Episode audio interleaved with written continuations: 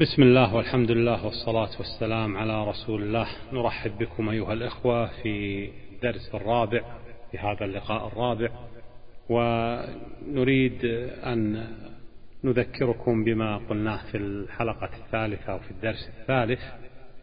تكلمنا أيها الإخوة عن مقتل الخليفة الراشد رابع علي بن أبي طالب ثم لما آل الأمر الحسن بن علي رضوان الله عليه وعن أبيه تنازل لمعاوية رضي الله عنه عن الخلافة وتكلمنا في الدرس الماضي عن تعريف الإمامة والخلافة وتعريف البيعة وشروط البيعة وتكلمنا أيضا عن بداية تأسيس الدولة الأموية وإرسال معاوية رضي الله عنه لأمرائه آه، على الأمصار. وقلنا بأنه استلحق زياد بن سمية فأصبح زياد بن أبي سفيان.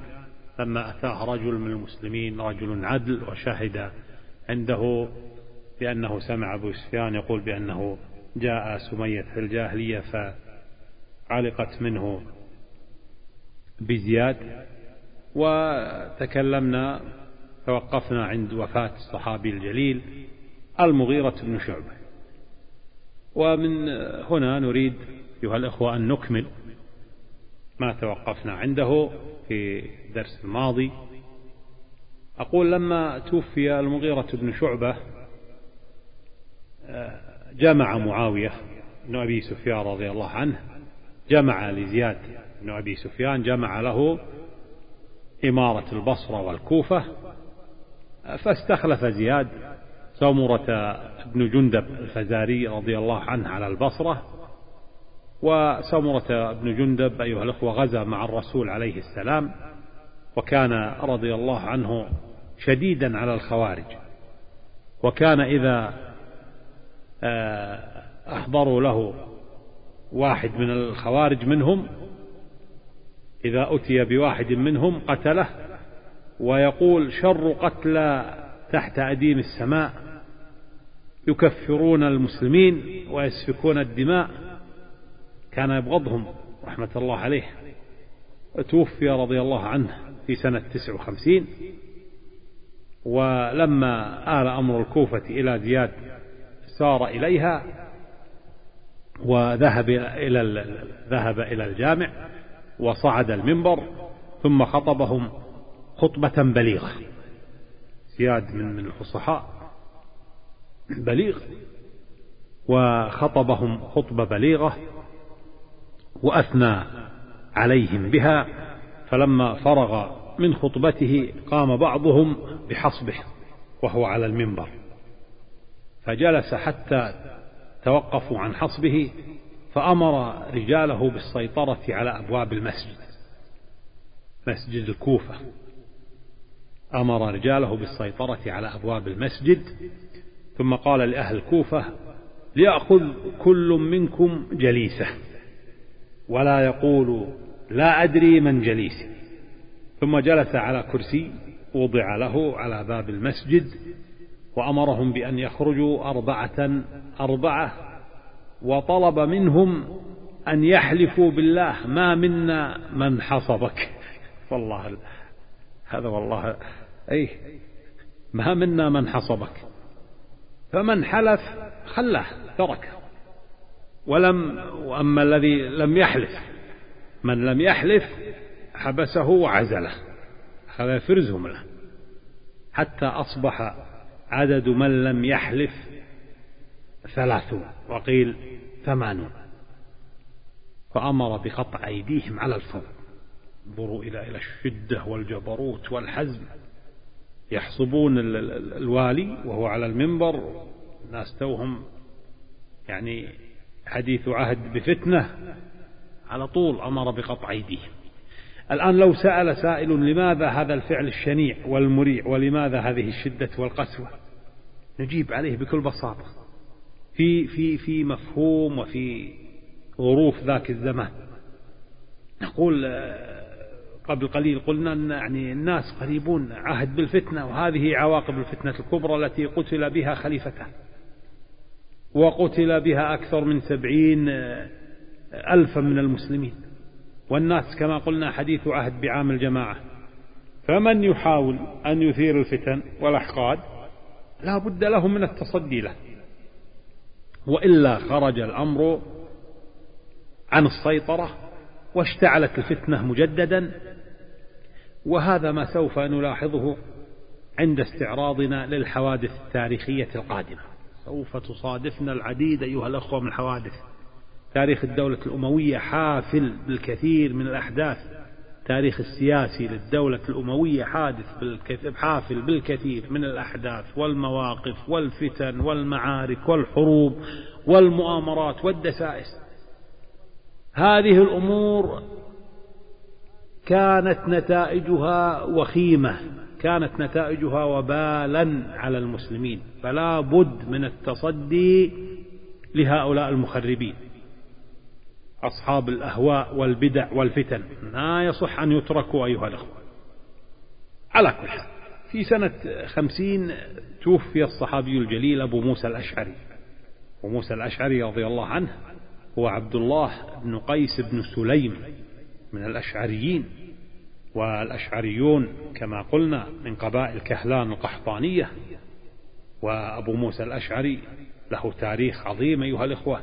افتتح يرحمه الله سبحانه وتستر والأهواز وكان أحد الحكمين في قضية التحكيم المعروفة وقيل بل كانت وفاته في سنة 52 على كل حال نحن نرجح سنة آه، يعني خمسين لكن هذا هو يعني ما ذكره آه، بعض المؤرخين. اختلفوا في في سنة وهذا كثير تصادفنا كثير من أحداث يعني يكون الاختلاف بها بسيطا في تحديد السنة التي تم بها الحدث. نعم. في سنة إحدى وخمسين كان مقتل حجر بن عدي بن جبلة الكندي. وحجر بن عدي كما يقول البعض صحابي جليل رضي الله عنه ولكن أكثر المحدثين كما يقول الحافظ ابن كثير لا يرون له صحبة. وكان حجر بن عدي من العباد الزهاد.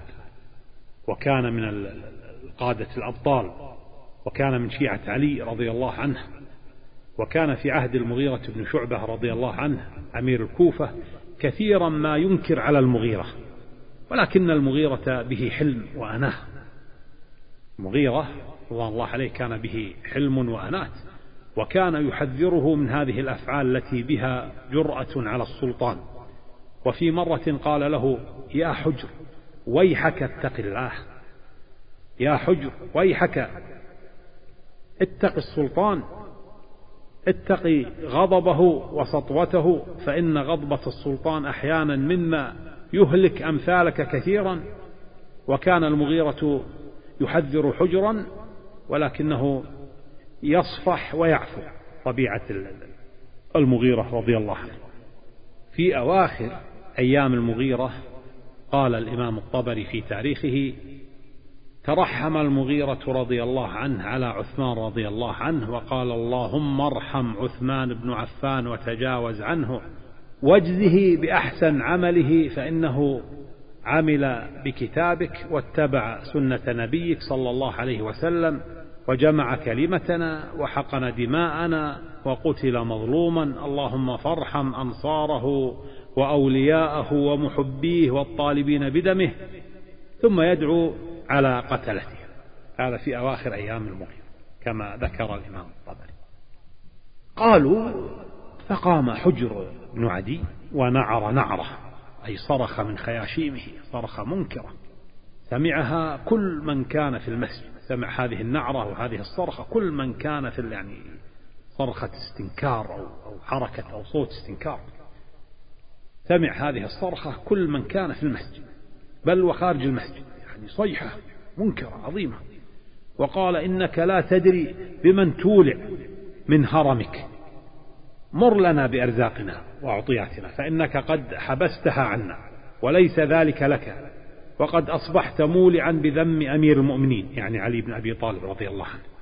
وتقريض المجرمين تقريض يعني المدح يقصد هنا أنصار معاوية رضي الله عنه. قال الطبري فقام معه أكثر من ثلثي الناس يقولون صدق والله حجر وبر صدق والله حجر وبر. هذه الفتنة رأيتم كيف؟ تأليب الناس. المغيرة نزل عن المنبر ودخل عليه قومه لما ذهب إلى مجلسه. دخل عليه قومه يلومونه على تساهله مع حجر وأن هذا الأمر سوف يؤدي إلى أمرين أحدهما جرأة الناس على السلطان وثانيهما سوف يجعل الخليفة في دمشق يسخط عليك. قالوا له قالوا المغيرة فقال لهم المغيرة إني قد قتلته. إني قد قتلته. كيف قتلته؟ إنه سيأتي أمير بعدي فيحسبه مثلي فيصنع معه مثل ما كان يصنع معي. فيأخذه عند أول وهلة ويقتله شر قتله. إنه قد اقترب أجلي وضعف عملي ولا أحب أن أبتدئ أهل هذا المصر بقتل خيارهم وسفك دمائهم. فيسعد بذلك وأشقى ويعز في الدنيا معاوية ويذل يوم القيامة المغيرة. قال هذه الكلمة هذا في آخر أيام رضوان الله عليه. فلما تولى بعد ذلك زياد بن أبي سفيان كما قلنا حذر زياد حجر بن عدي مما كان يصنع أيام المغيرة. حذره وكان مما قال له زياد تعلم أني أعرفك وقد كنت أنا وأباك على أمر قد علمت. يعني من حب علي بن أبي طالب قلنا أن زياد كان صار علي بن أبي طالب رضي الله عنه. فيقول له أنا وأباك كنا على أمر أنت يعني تعلم تعرف وإنه قد جاء غير ذلك وإني أنشدك الله أن تقطر لي من دمك قطرة فأستفرغه كله. أملك عليك لسانك وليسعك منزلك وهذا سريري فهو مجلسك. وحوائجك مقضية حوائجك مقضية لدي فأكفني نفسك فإني أعرف عجلتك فأنشدك الله في نفسك وإياك وهذه السقطة وهؤلاء السفهاء أن يستنزلونك عن رأيك.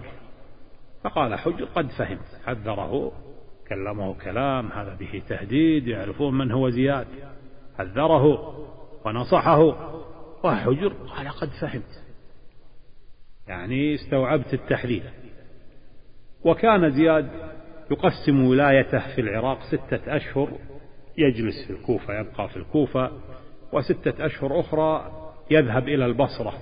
فلما ذهب للبصرة أتى الشيعة إلى حجر. لما طبعا الشيعة مقرهم الكوفة منذ ذاك الزمن. فلما ذهب زياد إلى البصرة قام الشيعة بالكوفة أتوا إلى حجر في منزله والتفوا عليه وأخذوا يجتمعون عنده وكانوا يسبون معاوية رضي الله عنه ويتبرؤون منه. وحذره عمرو بن الحريث نائب زياد على الكوفة. حذر حجر بن عدي من هذه الأعمال وأرسل له رسولا يقول له ما هذه الجماعة التي تجتمع عندك؟ وأنت قد تعهدت الأمير بما حذرك منه. فقال حجر بن عدي للرجل الذي أرسله ابن الحريث إنهم ينكرون ما أنتم عليه وطرده قال له إليك وراءك أوسع لك. أيها الأخوة مثل هذا التحدي وهذا الكلام وهذه الاجتماعات وفي تلك الظروف تورد صاحبها المهالك. لا محالة لا شك في ذلك أيها الأخوة. فلما عاد الرجل إلى عمرو أرسل عمرو إلى زياد في البصرة يستعجله في العودة إلى الكوفة لكي يعني يتدارك الأمر. الأمر الآن خطير جدا بوادر ثورة.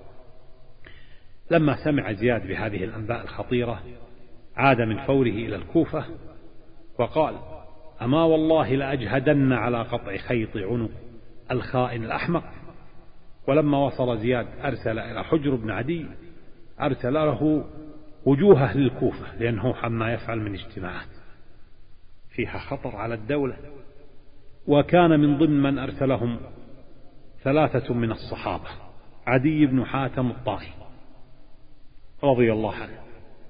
وجرير بن عبد الله البجلي رضي الله عنه وخالد بن عرفطة الليثي الليثي من بني بكر بن عبد منات بن كنانة رضي الله عنه.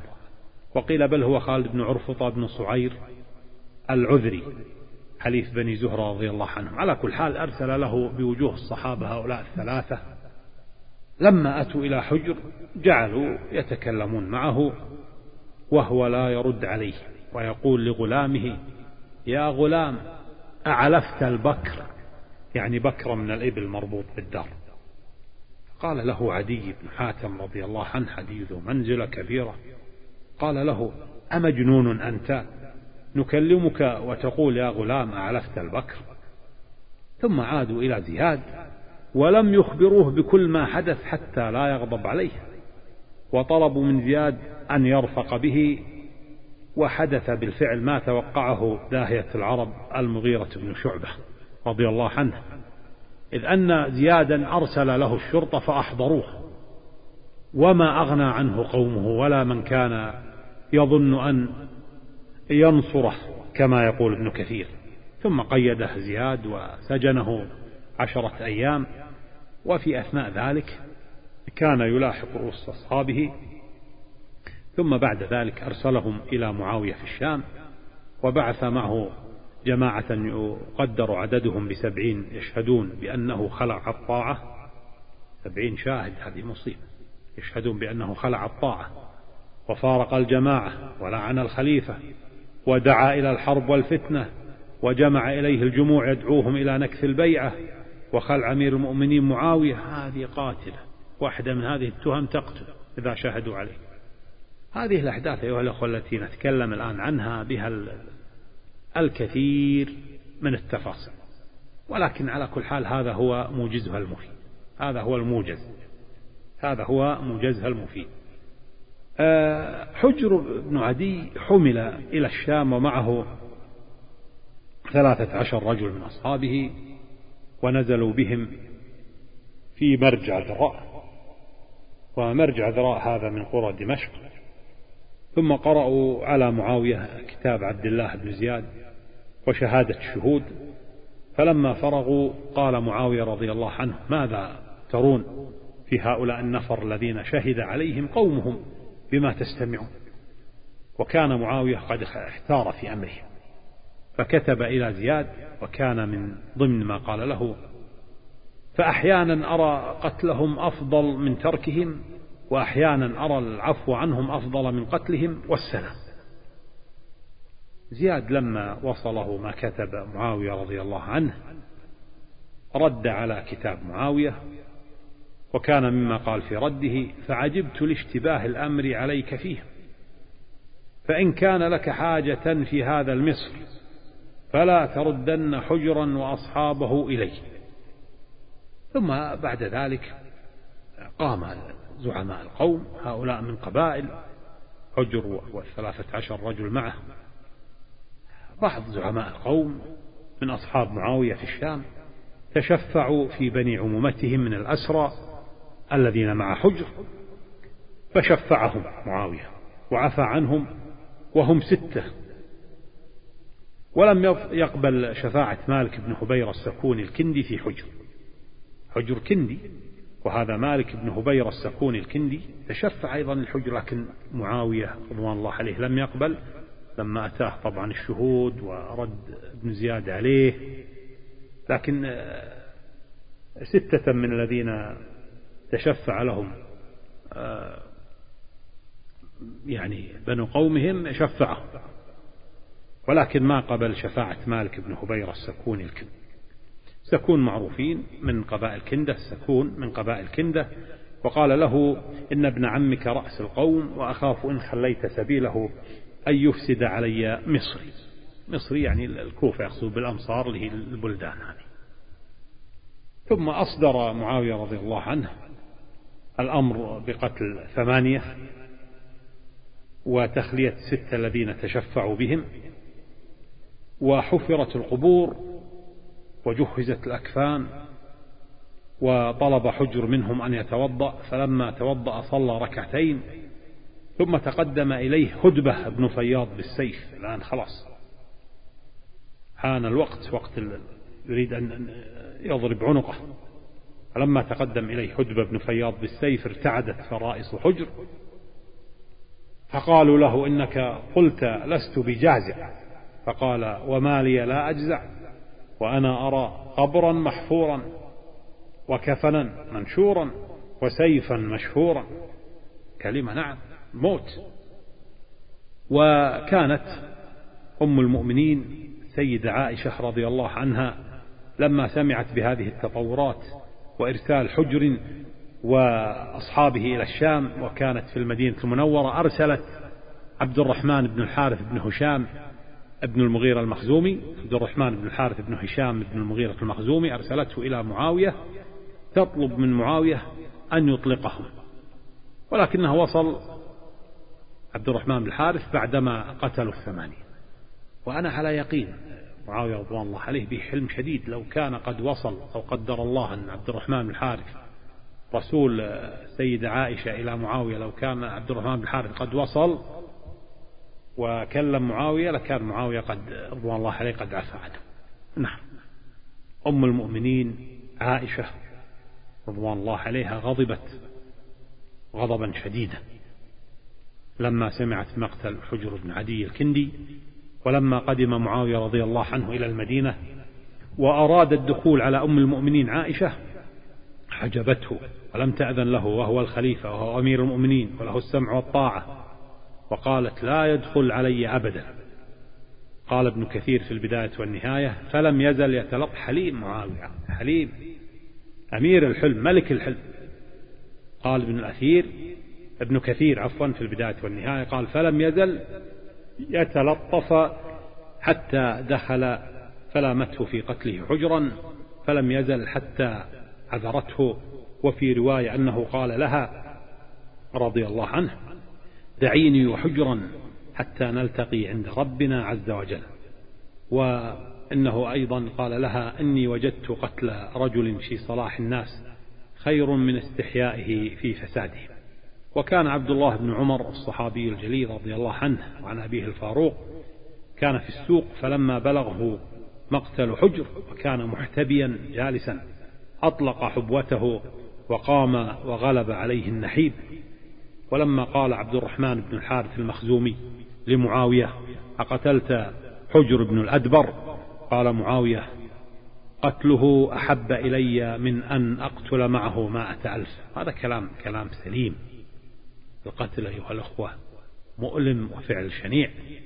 لكن قتله أحب إلي من أن أقتل معه مائة ألف الأشنع من القتل أيها الأخوة الفتنة إذا ثارت وكان معاوية رضي الله عنه لما حضرته الوفاة يقول يومي منك يا حجر يوم طويل.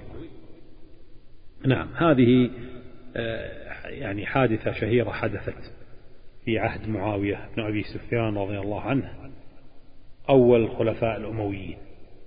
آه، في سنة 51 من الهجرة توفي عدد من الصحابة. نذكر بعض مشاهيرهم يعني لا نستطيع أن نعدد كل من توفى. منهم الصحابي الجليل؟ سعيد بن زيد بن عمرو بن نفيل رضي الله عنه وهو سيد من سادات الصحابة وأحد العشرة المبشرين بالجنة. توفي بالمدينة وتوفي كذلك الصحابي الجليل عبد الله بن أنيس الجهني رضي الله عنه. شهد المشاهد كلها إلا بدرا وشهد العقبة وتوفي كذلك الصحابي الجليل أبو بكرة يقول عنه الحافظ ابن كثير صحابي جليل كبير القدر. وكذلك توفي الصحابي الجليل جرير بن عبد الله البجلي رضي الله عنه. وكان جرير قد أسلم في رمضان من سنة عشر من الهجرة. روى البخاري في صحيحه عن جرير أنه قال ما حجبني النبي صلى الله عليه وسلم منذ أسلمت ولا رآني إلا تبسم في وجهي ولقد شكوت إليه أني لا أثبت على الخيل فضرب بيده في صدري وقال اللهم ثبته واجعله هاديا مهديا. وفي الحديث الذي رواه الإمام أحمد عن جرير بن عبد الله البجلي أن النبي صلى الله عليه وسلم قال له ألا تريحني من ذي الخلصة؟ ألا تريحني من ذي الخلصة؟ وذو الخلص بيت لخثعم يعبدونه. كان يعبد في الجاهلية يسمى كعبة اليمانية. قال جرير فخرجنا إليه في خمسين ومائة راكب قال فخربناه أو أحرقناه حتى تركناه كالجمل الأجرب. قال ثم بعث جرير إلى النبي صلى الله عليه وسلم يبشره بذلك. قال فلما جاءه قال والذي بعثك بالحق يا رسول الله ما جئتك حتى تركناه كالجمل الأجرب. قال فبرك على أحمس وعلى خيلها ورجالها خمس مرات. قال قلت يا رسول الله إني رجل لا أثبت على الخيل فوضع يده على وجهي حتى وجدت بردها. وقال اللهم اجعله هاديا مهديا. نعم. جاهد هذا الصحابي الجليل في فتوحات العراق وقاتل في القادسية. لما برك يقول برك على أحمس أحمس هذه أحد بطون بجيلة التي ينتمي لها جري. لما برك يقول برك على أحمس أحمس هذه أحد بطون بجيلة التي ينتمي لها جري. وفي سنة تسع وأربعين آه، توفي الصحابي الجليل خالد بن زيد بن كليب الخزرجي الأنصاري أبو أيوب الأنصاري شهد العقبة وبدر والمشاهد كلها مع الرسول صلى الله عليه وسلم نزل عنده النبي عليه السلام لما هاجر من مكة إلى المدينة المنورة توفي في بلاد الروم كما سبق وقلنا وكان في الجيش الذي أرسله معاوية بن أبي سفيان رضي الله عنه بقيادة ابنه يزيد بن معاوية ودفن بالقرب من القسطنطينية. وكان في هذا الجيش عبد الله بن عمر عبد الله بن عباس وعبد الله بن الزبير وصحابة غيرهم رضي الله عنهم. نعم. أيضا أيها الأخوة في سنة 53 من الهجرة فتح المسلمون جزيرة رودس في البحر الأبيض المتوسط وكان أمير المجاهدين هو جنادة ابن أبي أمية الأزدي ومما يعني يجدر ذكره في هذا السياق نقول أن الفتوحات الإسلامية والجهاد ضد الروم البيزنطيين وفي بلاد ما وراء النهر لم تتوقف في خلافة معاوية بن أبي سفيان رضي الله عنه. في رمضان من سنة 53 توفي زياد بن أبي سفيان وكان زياد قد كتب إلى معاوية قد ضبطت لك العراق بشمالي ويميني فارغة فاشغلها بالحجاز. فلما بلغ ذلك أهل الحجاز أتى نفر منهم إلى الصحابي الجليل عبد الله بن عمر بن الخطاب رضي الله عنهما رضي الله عنه عن أبيه فاروق. فأخبروه بالأمر فقال ادعوا الله عليه يكفيكموه. فاستقبل القبلة واستقبلوها فدعوا ودعا كما قال ابن كثير فطعن بأمر الله. طعن زياد بن أبيه بأمر الله أصاب أصابه الطعن وهلك. وكفى الله سبحانه وتعالى آه، شره المسلمين في الحجاز في مكة والمدينة. في سنة 54 من الهجرة نصب معاوية رضي الله عنه عبيد الله بن زياد واليا على خراسان. كان عمره خمسة وعشرون عاما وكان عبيد الله بن زياد شجاعا شديد البأس. قاتل الترك في بخارى وفتح رامثين وفتح نصف بيكند ثم في أواخر سنة 55 نصبه معاوية واليا على البصرة بعد أن عزل عبد الله بن عمرو بن غيلان. وقد تلاحظون أيها الأخوة أني قد وصفت عبيد الله بن زياد بالشجاعة وشدة البأس وهذا صحيح. هذه صفات نفسية وجسمانية تحلى بها شخص دون آخر. شخص يتحلى بأمر لا أو يوجد به شيء لا يوجد بآخر. ولا علاقة لهذه الصفات النفسية والجسمانية لا علاقة لها بأي أمر آخر. حسان بن ثابت رضي الله عنه شاعر الرسول صلى الله عليه وسلم كان معروفا بالجبن رضي الله عنه. ومع ذلك فعل لسانه بالمشركين ما لم تفعله سيوف الكثير من الأبطال هذه حقائق أيها الأخوة. ما بها بأس إن شاء الله. في سنة 56 دعا معاوية رضي الله عنه إلى بيعة ابنه يزيد من بعده ونصبه وليا للعهد وبايع الناس ليزيد ما عدا خمسة. الحسين بن علي وعبد الله بن عمر وعبد الله بن الزبير وعبد الله بن عباس بن عبد المطلب وعبد الرحمن بن أبي بكر الصديق رضي الله عنه عن آبائه. لماذا نصب معاوية رضي الله عنه ابنه يزيد وليا لعهد المسلمين؟ هذا سؤال في غاية الأهمية. حسب اعتقادي حسب اعتقادي الشخصي أعتقد أن معاوية أخذ في الاعتبار عند تنصيبه لابنه يزيد عدة أمور. أولا لا تزال أحداث الفتنة الكبرى ماثلة في ذاكرة المسلمين. ولذلك لا بد لهم أن يجتمعوا حول رجل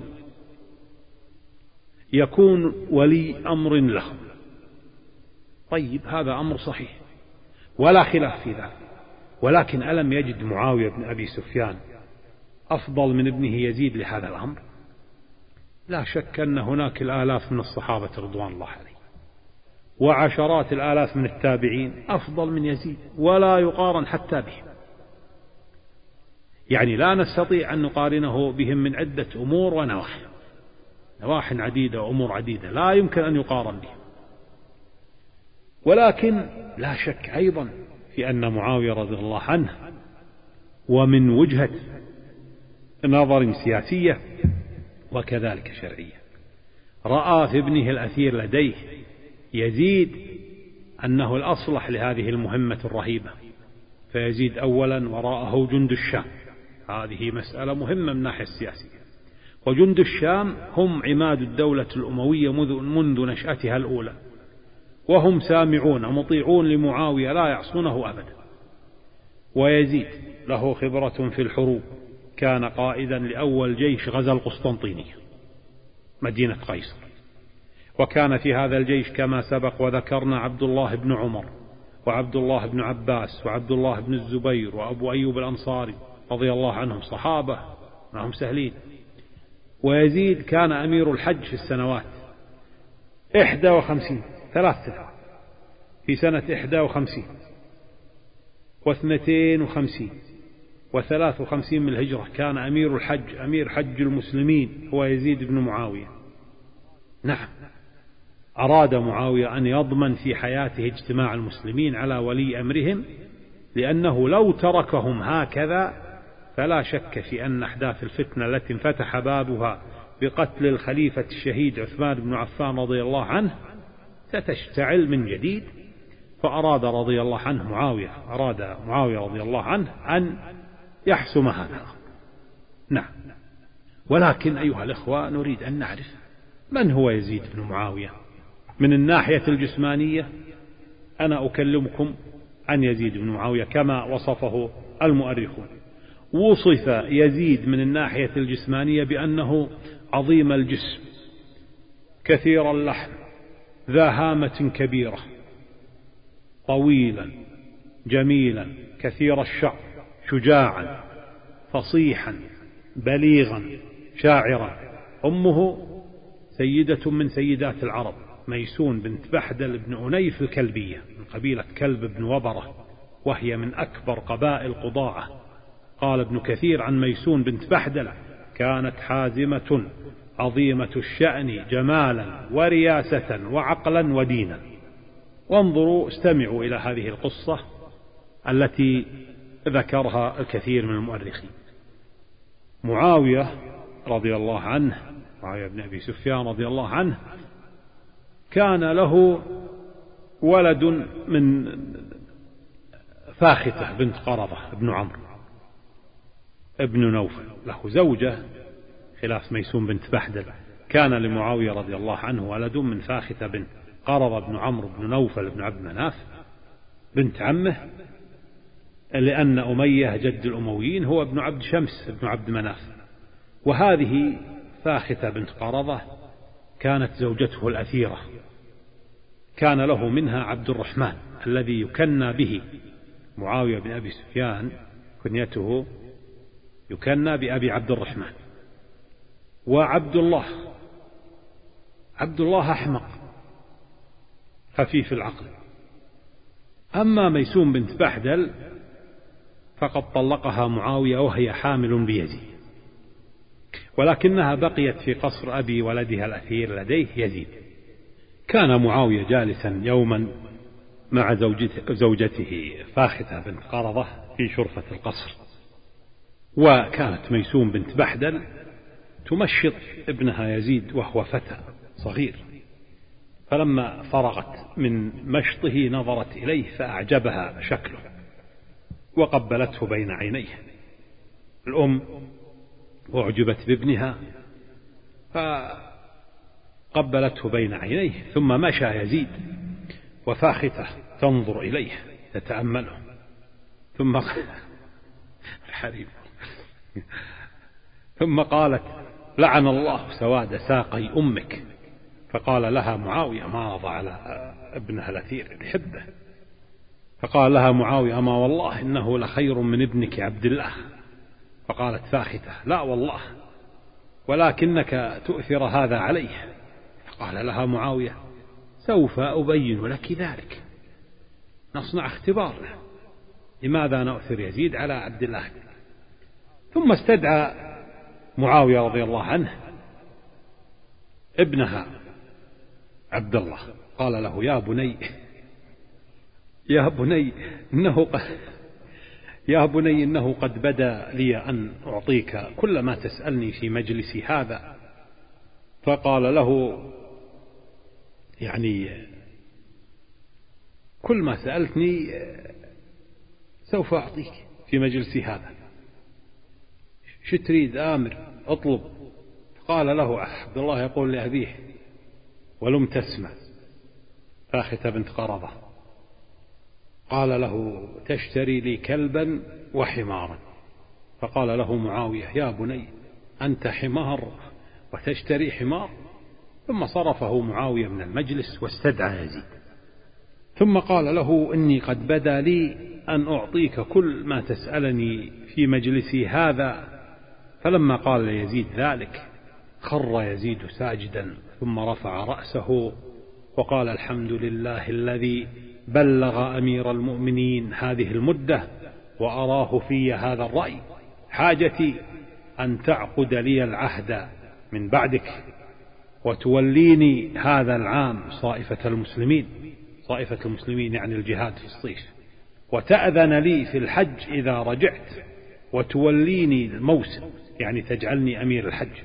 وتزيد أهل الشام عشرة دنانير لكل رجل في عطائه العطاء هو الراتب للمسلمين مثل المرتبات. يصرفها الخلفاء من بيت مال المسلمين. وختم يزيد أنهى يزيد مطالبه بأن أوصى أباه بأيتام بني جمح وبني سهم وبني عدي القرشيين. فقال له معاوية سوف أعطيك كل ما سألت. ثم قبل معاوية وجه ابنه يزيد والتفت إلى فاختة. قال لها كيف رأيت؟ فقالت يا أمير المؤمنين أوصه بي فأنت أعلم به مني. وهذا دليل على أن معاوية رضي الله عنه كان يهيئ ابنه لهذا الأمر منذ مدة. وحدث في مرة أن قدم زياد بن أبي سفيان.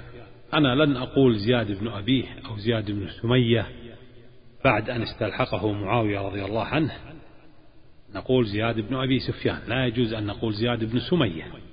فبعد أن قدم زياد إلى الشام إلى دمشق ومعه الأموال والتحف والهدايا وكان زياد خطيبا مفوها قوي الشخصية جبارا عتيا ف صعد المنبر وأخذ يفتخر بما صنع في ولايته للعراق فانبرى له يزيد.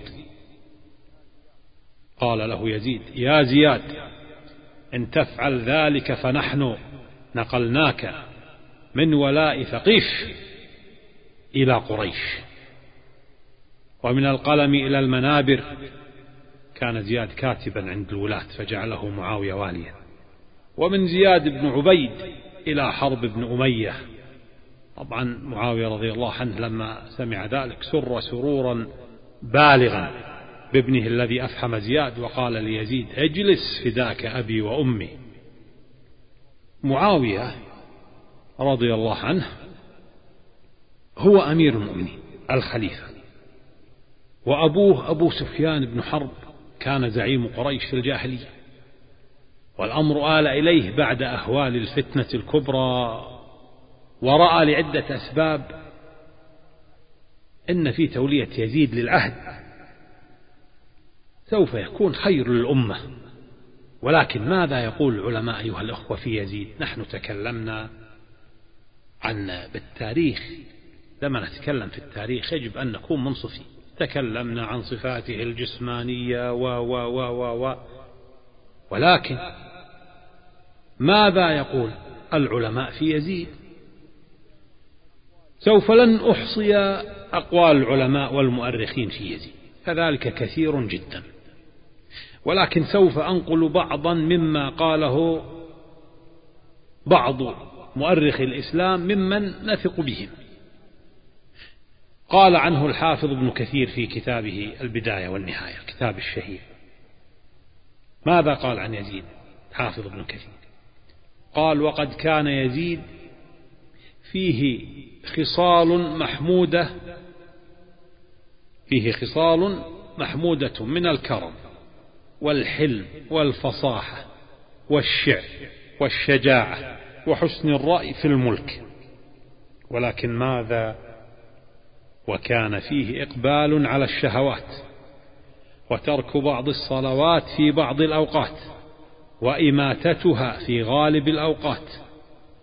وقال الحافظ ابن كثير في موضع آخر أكثر ما نقم عليه في عمله شرب الخمر وإتيان بعض الفواحش وش بقى بعد ترك بعض الصلوات في بعض الأوقات وإماتتها في غالب الأوقات وشرب الخمر وأتيان بعض الفواحش. هذه مصيبة عظيمة. إن صحت الرواية. نقول هذه مصيبة عظيمة إن صحت الرواية. لكن هذا عاد الحافظ ابن كثير. أما الإمام الذهبي في كتابه سير أعلام النبلاء فيقول عن يزيد قال له على حناته حسنة وهي غزو القسطنطينية وكان أمير ذلك الجيش. وقال عنه الإمام الذهبي ويزيد ممن لا نسبه ولا نحبه وله نظراء من خلفاء الدولتين يعني الأموية والعباسية وكذلك في ملوك النواحي بل فيهم من هو شر منه وإنما انظروا إلى إلى كلام يعني الإمام الذهبي هؤلاء علماء ما هم؟ نعم. يقول وإنما عظم الخطب لكونه ولي ولي. وإنما عظم الخطب لكونه ولي بعد وفاة النبي بتسع وأربعين سنة. والعهد قريب. والصحابة موجودون كابن عمر الذي كان أولى بالأمر منه ومن أبيه وجده. هذا طبعا كلام الإمام الذهبي. وقال عنه الإمام الذهبي كان قويا شجاعا ذا رأي وحزم وفطنة وفصاحة وله شعر جيد. لكن ماذا قال عنه أيضا؟ قال وكان ناصبيا. كان ناصبيا يعني يكره علي بن أبي طالب رضي الله عنه. وكان ناصبيا فظا غليظا جلفا يتناول المسكر ويفعل المنكر.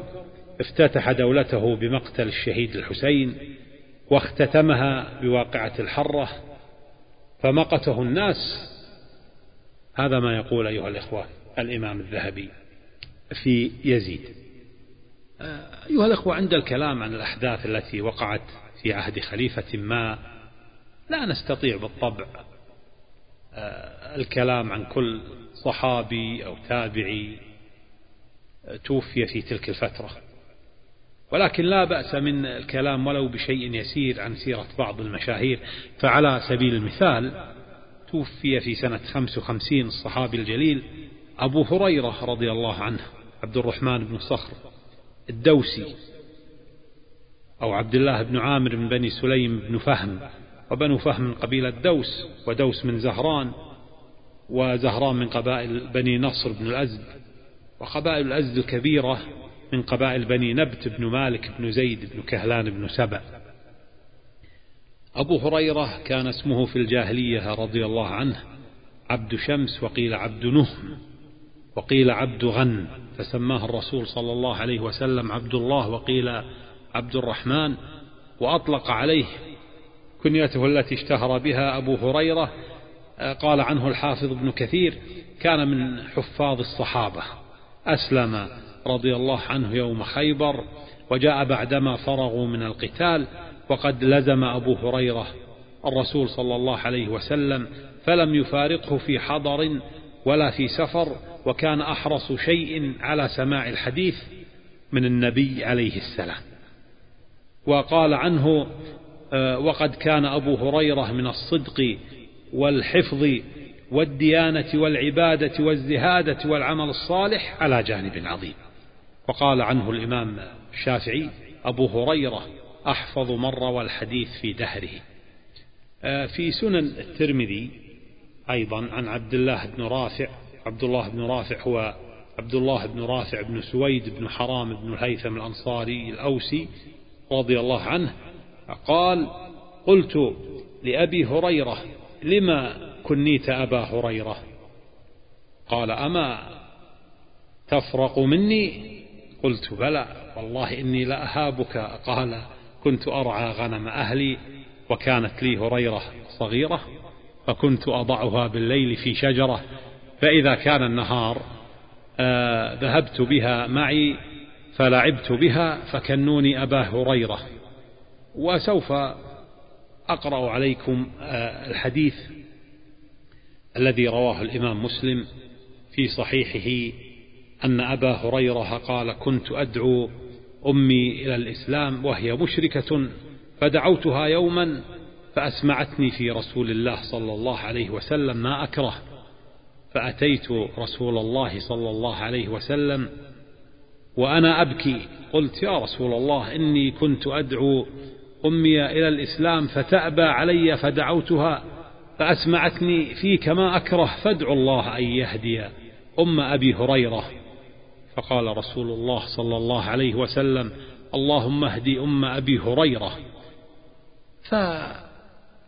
فخرجت مستبشرا بدعوة نبي الله صلى الله عليه وسلم فلما جئت فصرت إلى الباب فإذا هو مجاف فسمعت أمي أو فسمعت أمي خشف قدمي فقالت مكانك يا أبا هريرة. وسمعت خضخضة الماء. قال فاغتسلت ولبست درعها وعجلت عن خمارها ففتحت الباب ثم قالت يا أبا هريرة أشهد أن لا إله إلا الله وأشهد أن محمدا عبده ورسوله.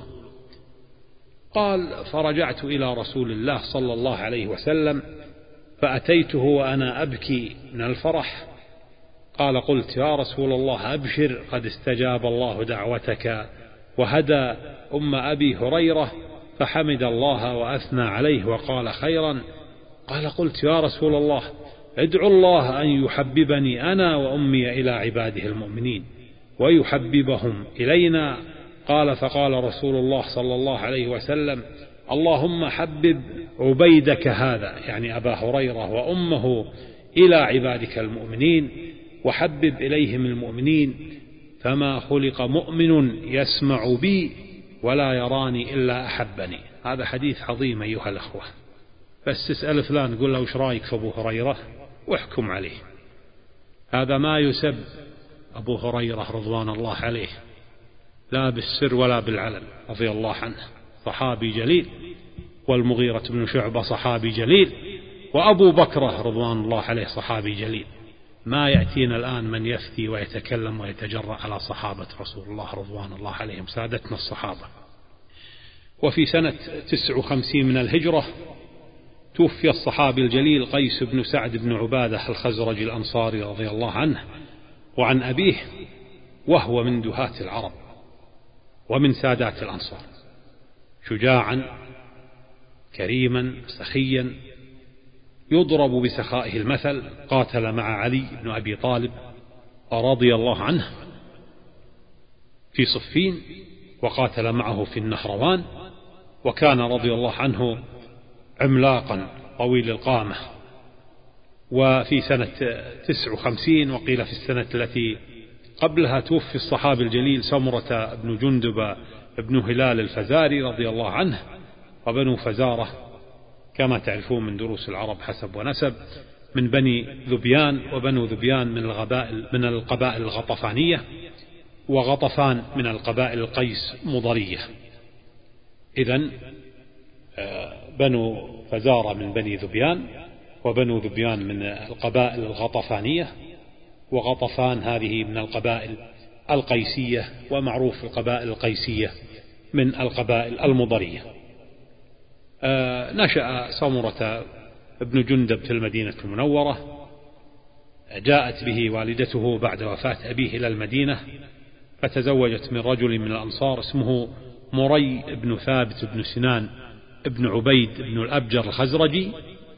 آه، سمرة بن جندب غزا مع الرسول صلى الله عليه وسلم أكثر من غزوة وكان غلاما في ذلك الوقت في بداية إسلامه سكن البصرة بعد ذلك وكان شديدا على الخوارج وكان يقتل من يحضرونه منهم إليه من يحضرونه منهم إليه يقتله يبادر بقتله ويقول عنهم كما قلنا شر قتلى تحت أديم السماء يكفرون المسلمين ويسفكون الدماء. ولذلك كان الخوارج يبغضونه بغضا شديدا. أيها الأخوة نريد أن نتوقف هنا وإن شاء الله نكمل في الدرس الخامس أو في الحلقة الخامسة. وجزاكم الله خير أيها الأخوة على حسن استماعكم